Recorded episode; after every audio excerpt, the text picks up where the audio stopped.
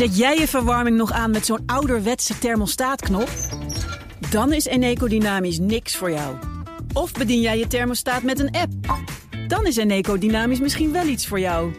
Doe de test op eneco.nl/slash test om te ontdekken of een dynamisch energiecontract bij jou past. Mensen helpen een bewuste keuze te maken. We doen het nu. Eneco. BNR Beurs wordt mede mogelijk gemaakt door Bridge Fund. Make money smile. BNR Nieuwsradio. BNR Beurs. Wesley Weerts, Jelle Maasbach. Hallo daar, welkom. Wat goed dat je weer luistert. We zijn begonnen aan onze werkweek en dat doen we dus samen met jou. Het is maandag 11 december, de dag waarop blijkt dat Amerikanen minder willen uitgeven aan de oorlog in Europa. Bijna de helft van de Amerikanen vindt dat eh, president Joe Biden en zijn regering te veel geld uitgeven aan Oekraïne. Blijkt uit een peiling van de Financial Times. 48% zegt dat er te veel wordt uitgegeven aan een oorlog ja, ver weg van huis op het Europese continent. Beleggers geven vandaag wel gewoon geld uit. De AX stijgt daarop met 0,6% en sluit boven de 786 punten. Wat ook stijgt, Argen, dat aandeel is al langer in herstelmodus en krijgt er opnieuw 2,6% bij. En om met ons de beursdag door te nemen is hier Martina Hafkamp van Vintessa Vermogensbeheer. Over de AX gesproken, er lijkt de laatste dagen of weken geen rem op de Amsterdamse beurs. De AX gaat met een jaarwinst tot nu toe van zo'n 13% lekker. Helemaal na berichten over een dalende inflatie, een zakkende olieprijs en minder rentevrees. De vraag is, gaat het te snel of zit er nog meer in het vat? Ja, andere indices in Europa die gaan nog harder, maar het is uh, vooral de Amsterdamse eindsprint die opvalt. Wat denk jij, Martine? Stijgt de AX verder of niet?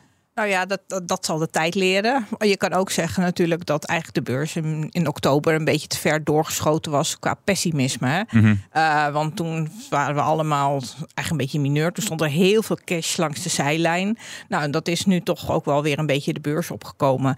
Maar wat je natuurlijk altijd wel een beetje in december krijgt, dan wordt de handel wat dunner. Want er gaan alweer boeken dicht en is iedereen een beetje klaar. Nou, dit is een mooi beleggingsjaar. Het is geen buitengewoon beleggingsjaar. Uh, in principe heb je natuurlijk een beetje het verlies van vorig jaar ingelopen als je kijkt naar de AX. Uh, wij worden hier dan nog een beetje geremd door, omdat Shell natuurlijk uh, een beetje achterblijft in die zin van dat iedereen weer denkt dat de olieprijs een beetje zou, wat lager zou kunnen gaan. Mm -hmm. Maar ja, alles bij elkaar uh, denk ik dat, het, dat we nu al best wel blij mogen zijn. Over pessimisme gesproken. Van de zomer ging het aandeel Atjen keihard naar beneden. Op ja. één dag bijna 40 procent.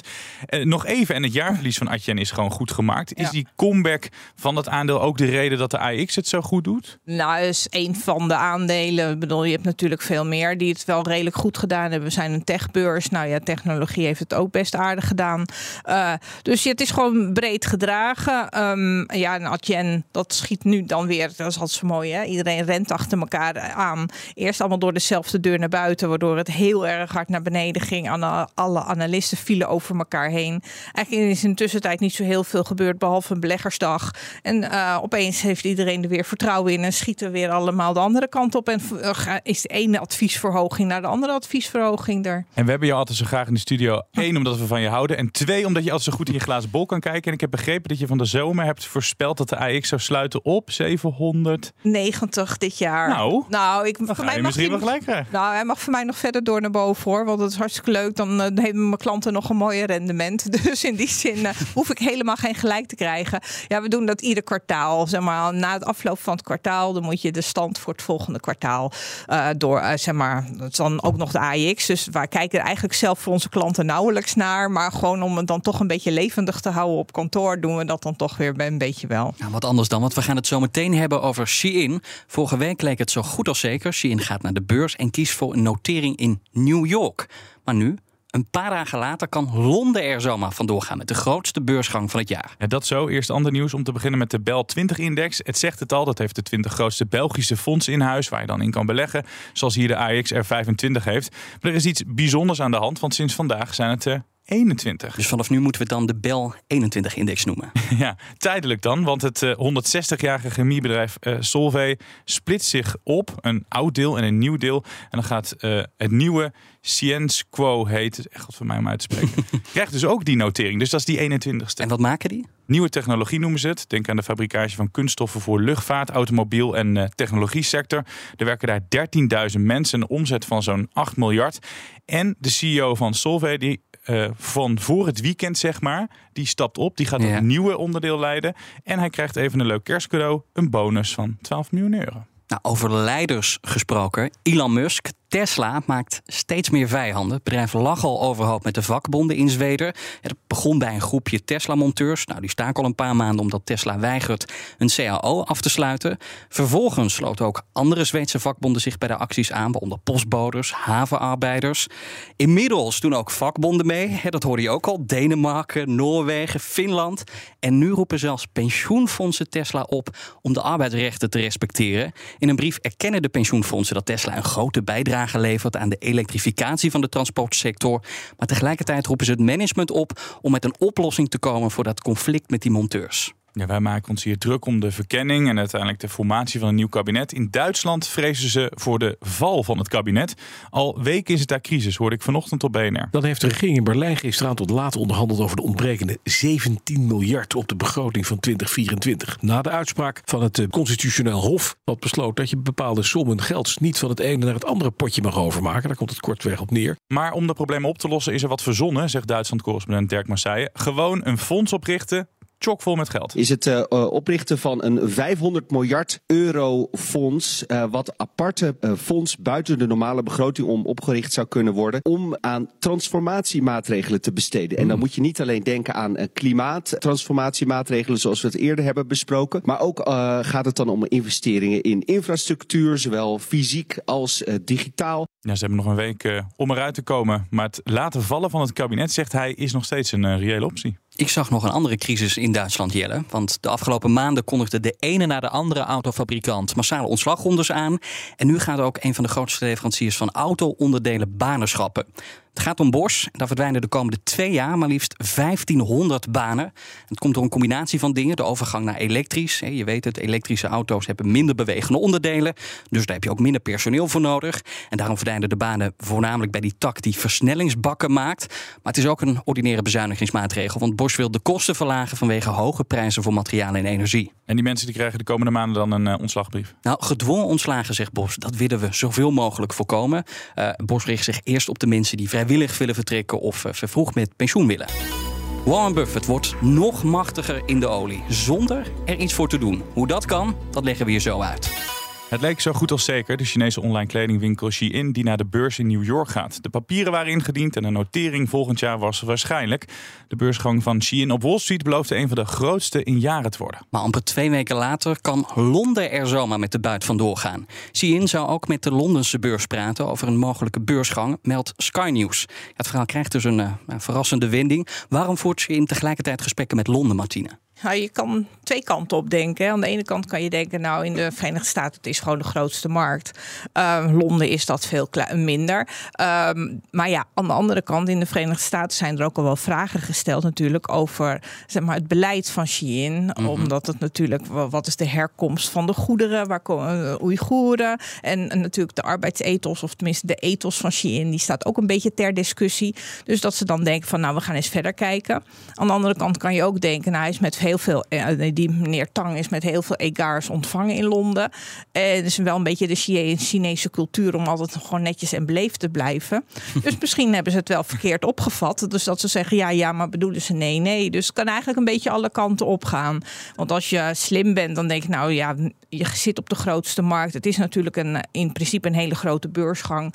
Dus eh, dan moet je ook hele liquide markten voor hebben. Uh, maar misschien zijn wel de, de eisen in Londen wat minder zwaar. Uh, ook wat ESG aangaat en zo. En dan zou je ervoor kunnen kiezen, omdat Londen denkt van nou, we hebben al zoveel beursgangen gemist en we zijn eigenlijk een beetje een krimpende markt. Dan uh, gaan we daar doen. Nou ja, daarom, jij zegt het zelf al, veel bedrijven die trokken de afgelopen jaren natuurlijk weg of hebben daar hun beursgang niet plaats laten vinden in Londen, maar trokken bijvoorbeeld naar New York. Ja. Wat zou de komst van Shein voor Londen betekenen als het echt zover komt? Nou ja, ja, dat is ook dan weer een beetje dubbel. Want aan de ene kant kan je zeggen, nou, het is een aandeel super hot. Dus dat is hartstikke leuk als jij die binnensleept.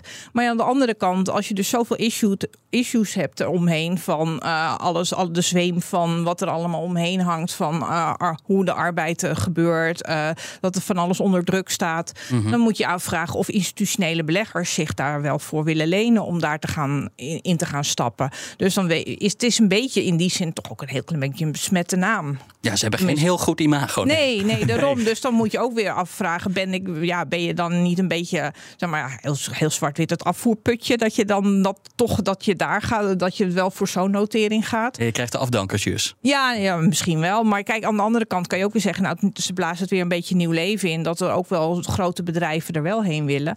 Ja, dus het, kan, ja, het is een beetje een dubbel. Hè? Het is niet zwart of wit. Nee. Maar in dit geval is het dan ook wat ingewikkelder nog. En je zegt ook terecht, dubbeltje kan eh, beide kanten opvallen. Bronnen zeggen tegen eh, hetzelfde Sky News dat een beursgang in New York nog altijd het meest waarschijnlijk is. Hoe kan Londen dan dat Shein toch nog overhalen? Je had het al over die, die topman met alle Gars. eh, ja, maar en natuurlijk welkom. als je wat minder eisen stelt, dat ze wat minder, wat minder ESG-eisen, noem maar wat, omdat je dan denkt van, nou ja, wij, wij, wij tillen daar iets minder zwaar aan. Maar ja, aan de andere kant, als je met beleggers te maken hebt, eh, als je het ook het aandeel wil aan de man wil brengen, die hebben ze zelf ook hun eigen ESG-voorwaarden natuurlijk. Dus ja, of je er heel veel mee opschiet, is dan weer een tweede. Super mooie casus wel, want hoe ver wil je gaan om zo'n grote beursgang Ja. binnen te halen? Want je hebt een beetje een suffe beurs, die wil je impuls geven. Je wil Ja. zo'n hip bedrijf binnenhalen, maar hoe ver wil je gaan met eh ja, nou standaard te ja, verlagen? precies. Dat, nou ja, ik denk dat je dat niet moet doen. Want dan schrik, schrik je juist misschien juist wel weer anderen af. En het is hem natuurlijk naar arm hebben ze gemist afgelopen zomer. Dat was natuurlijk eigenlijk een beetje. Nou ja, dat was heel raar. Of nou heel raar. Dat was natuurlijk heel gemiste kans.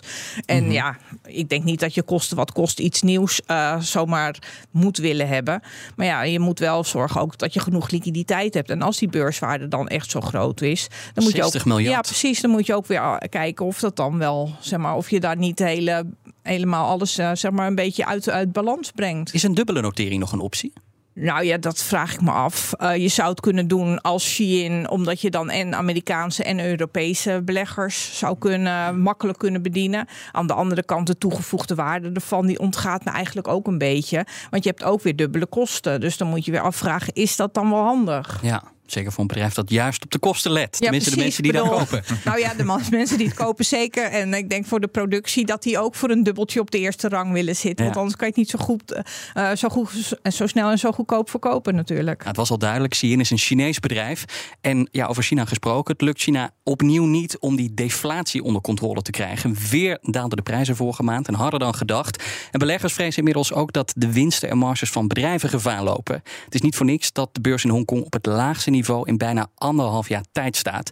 Kan de situatie in China de plannen van Shein nog in de was schoppen eigenlijk? Nou, ze halen natuurlijk het meeste van hun omzet buiten China. Maar natuurlijk eh, heeft het hele. Je hebt wel de Chinese consument ook nodig als Chinees bedrijf. Dus ja, dat is niet handig. Daarnaast heb je nog natuurlijk deflatie in China. Dat gaat ook de rest van de wereld wel beroeren, zeg Ja. maar. En nou ja, dat is dan ook weer niet zo heel gunstig. En, en voor andere Chinese bedrijven, hoe, hoe groot is dat gevaar van deflatie? Nou ja, dat ligt er natuurlijk altijd ook een beetje aan waar je om. Het is nooit goed, want eh, dan stellen consumenten hun eh, besteding uit. Want dan overmorgen kan je het goedkoper eh, kopen. Zo Klinkt wel moeilijk is het lekker niet. hier, dalende prijzen. Ja, maar we te zijn, we zijn er ook al bijna. Joh. Die inflatie in Nederland is ook al hartstikke laag. Dus nog even.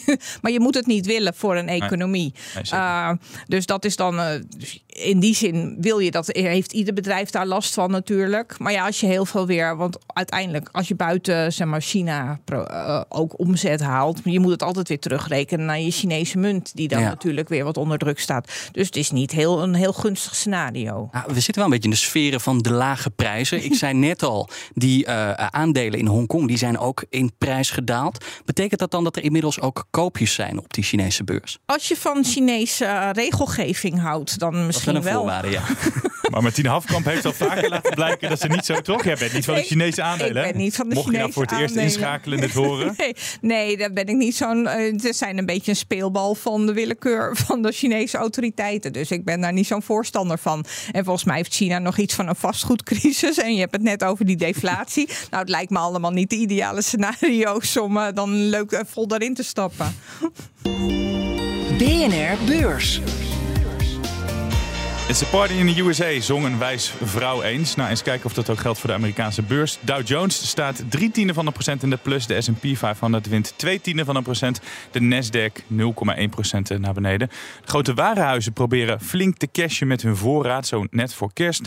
Maar Macy's dreigt alles in één keer te verkopen. Zichzelf namelijk.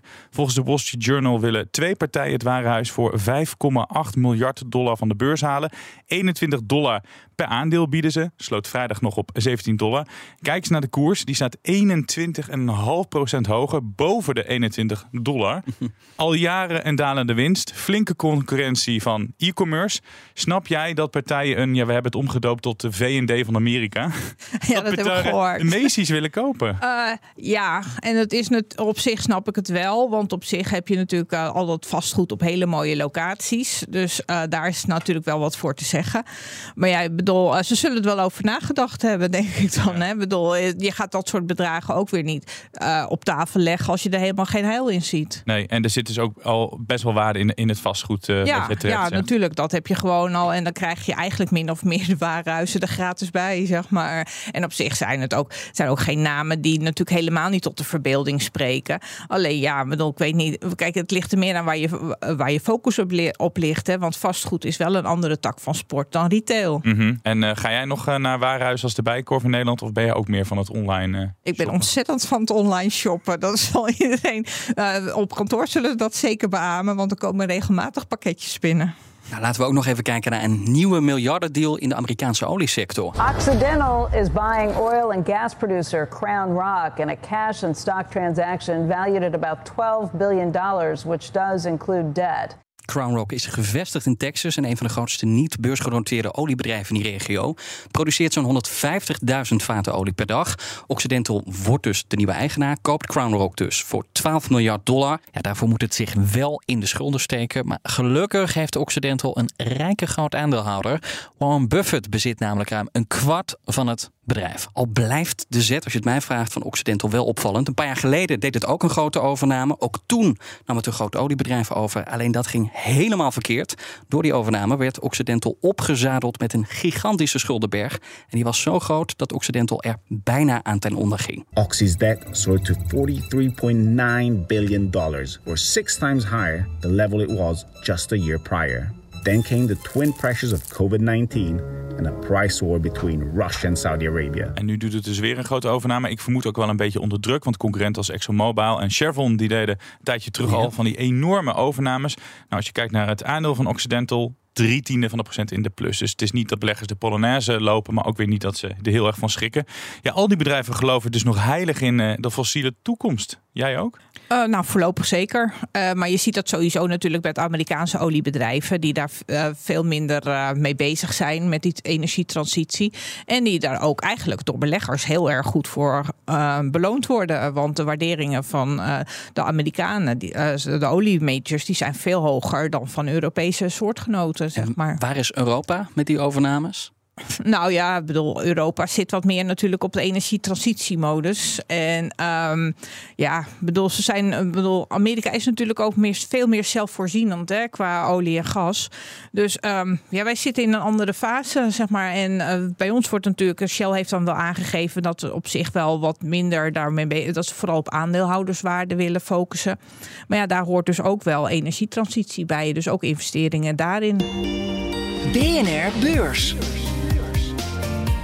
Het zijn de laatste weken van het jaar. Dan komen ze elk jaar weer de lijstjes. Tijd om even te reflecteren en dus ook uh, te evalueren. Deze week vijf knappe koppies in de beursklas. Met vandaag eentje die je niet kan zijn ontgaan, namelijk Nvidia. Dat aandeel was het voorbeeld van knappe koppen niet te stoppen in 2023. Terwijl dat 25% gestegen sinds 1 januari. Nu 475 dollar waard. Ja, wat ze natuurlijk goed delen was AI. Maar hoe wist ja, dat bedrijf de belegger ervan te overtuigen dat ze daar ook zoveel geld mee konden verdienen? Uh, nou, dat was in het begin nog helemaal niet zo duidelijk. Zeg maar. Want als je een jaar geleden keek, uh, toen waren de verwachtingen niet zo heel hoog gespannen voor Nvidia-begrippen dan. Hè? Ehm, maar ja, toen kwam natuurlijk de hele AI-hype. En daar bleken ze ook toch weer gewoon heel erg goed aan mee te doen. Uh, dat ze daar natuurlijk gewoon die hele krachtige rekenchips leveren. Nou, voor datacenters. En in bleek, ineens bleek dat dus voor veel meer dingen van toepassing te zijn. Uh, ze waren altijd sterk in gaming. Nou, dat was in corona natuurlijk de hip, uh, de hit. Dus nou, dat was helemaal prima. dus toen, ze zijn echt altijd al geld aan het verdienen geweest. En blijven en de marges zijn natuurlijk gigantisch. We hebben boven de 70% marge. Uh, nou, je hoort van alles over zeg maar, de markt voor die chips. Nou, die groeit. Um, nou, dat, zeg maar, dat groeien de bomen wel bijna de hemel in. Ik bedoel, eh, de verwachting is dat daar 400 miljard in geïnvesteerd gaat worden. Dus ja, het gaat ook om zulke bedragen. Dus dan is het ook niet zo erg als er soms wel eens een ander komt. Als AMD dan met uh, ook een soort chip komt waarvan ze zeggen van nou, dat kan het ook wel eens zijn. Ja. Uh, nou, China is nog steeds een hele grote markt voor ze. Zeggen ze ook, nou, we we werken nauw samen met de Amerikaanse overheid, maar we willen natuurlijk heel graag nog, daar nog wel chips leveren. Nou, ze geven dan vandaag zelf ook weer aan dat ze ook in Vietnam gaan investeren. Dus ze blijven gewoon echt op alle borden schaken en dat doen ze gewoon echt heel goed. En jij hebt eerder eh, gezegd dat Nvidia van dat lijstje met de 20 best presterende aandelen van dit jaar is Nvidia degene waar Vintessa Vermogensbeheer in zit. Ja. Blijft Vintessa Vermogensbeheer? Ja, die blijft er nog steeds in zitten. Die, die zitten erin vanaf 42 dollar gemiddeld. Dus dan hebben we dat best aardig gedaan. We hebben in de tussentijd natuurlijk al heel vaak weer, uh, omdat de koers zo hard opgelopen is, hebben we weer een deel ervan afgeroomd. Omdat we nooit willen dat één positie in een portefeuille echt boven de nou, 5,5% uitkomt. Mm -hmm. Dus dan zijn we dus eigenlijk zitten een heel groot groot deel van onze klanten zit daar gewoon echt gratis in. En gezien de vooruitzichten van het, aan, of van het bedrijf, blijven wij ook gewoon nog steeds beleggen in Nvidia. En ik krijg natuurlijk altijd van die verhalen te horen dat het zo duur is. En, och, en dan, dan krijg ik allemaal grafiekjes eh, ter ondersteuning van, uh, die, uh, die van, van dat statement, zeg maar. Ja. En ik denk dan weer, als je gewoon kijkt naar de verwachtingen, naar de groeiverwachtingen, dan is het eigenlijk helemaal niet zo duur. En is eigenlijk een beetje in lijn met andere techbedrijven ja, dan kan je zeggen, ze zijn allemaal duur. Maar ik denk gewoon gegeven uh, ook het feit uh, hoe ze in de markt staan en wat hun vooruitzichten zijn. En vaak de hele grote bergen cash waar ze over eh, beschikken. Zijn het gewoon hele veilige beleggingen. Kan het nog een keer 225% stijgen volgend jaar? Nou ja, dat weet ik niet. Ik bedoel, je kan ook zeggen, vorig jaar is er natuurlijk uh, is het ook heel hard gedaald. Hè? Ik bedoel, en uh, dit jaar is dan harder opgelopen. Op een gegeven moment zit er natuurlijk wel een beetje de wet van de remmende voorsprong. Zal misschien een beetje gaan uh, lopen. Maar ja, bedoel, uh, voorlopig denk ik van je hoeft er ook niet zo heel erg druk over te maken. Ook morgen weer een nieuwe beursdag. En dan is het gespreksonderwerp, ook dat een open deur, de inflatie. Collega Maxime van Meel trapt het gesprek alvast af. In Nederland krijgen we de nieuwste inflatiecijfers te horen van het CBS. Hier lijken de prijsstijgingen onder controle. Vorige maand was het leven hier nog maar 1,6% duurder dan een jaar eerder. Maar we krijgen ook een update vanuit de Verenigde Staten. En daar steeg de inflatie vorige maand juist weer een klein beetje naar 3,3% op jaarbasis. Reden genoeg dan ook voor de Federal Reserve om om tafel te gaan. En dat gaan ze ook doen. Ondanks de prijsstijgingen zien ze de toekomst rooskleurig in, hoorden we eerder. Maar een renteverlaging, daar is het nog echt te vroeg voor. Waarschijnlijk blijft de rente dan ook onveranderd. Maar dat horen we pas weer verderop in de week.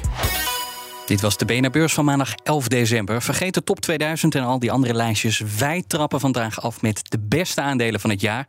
Maar wat het over meer? Bijvoorbeeld over de beursgang van Shein. Dat Chinese bedrijf zet de beurs van New York en Londen tegen elkaar op. Het is vechten om dit klerenbedrijf. Ook hoorde je over de opmars van de AX, over de mogelijke val van de Duitse regering. En Warren Buffett, die wordt nog machtiger in de oliewereld zonder er wat voor te doen.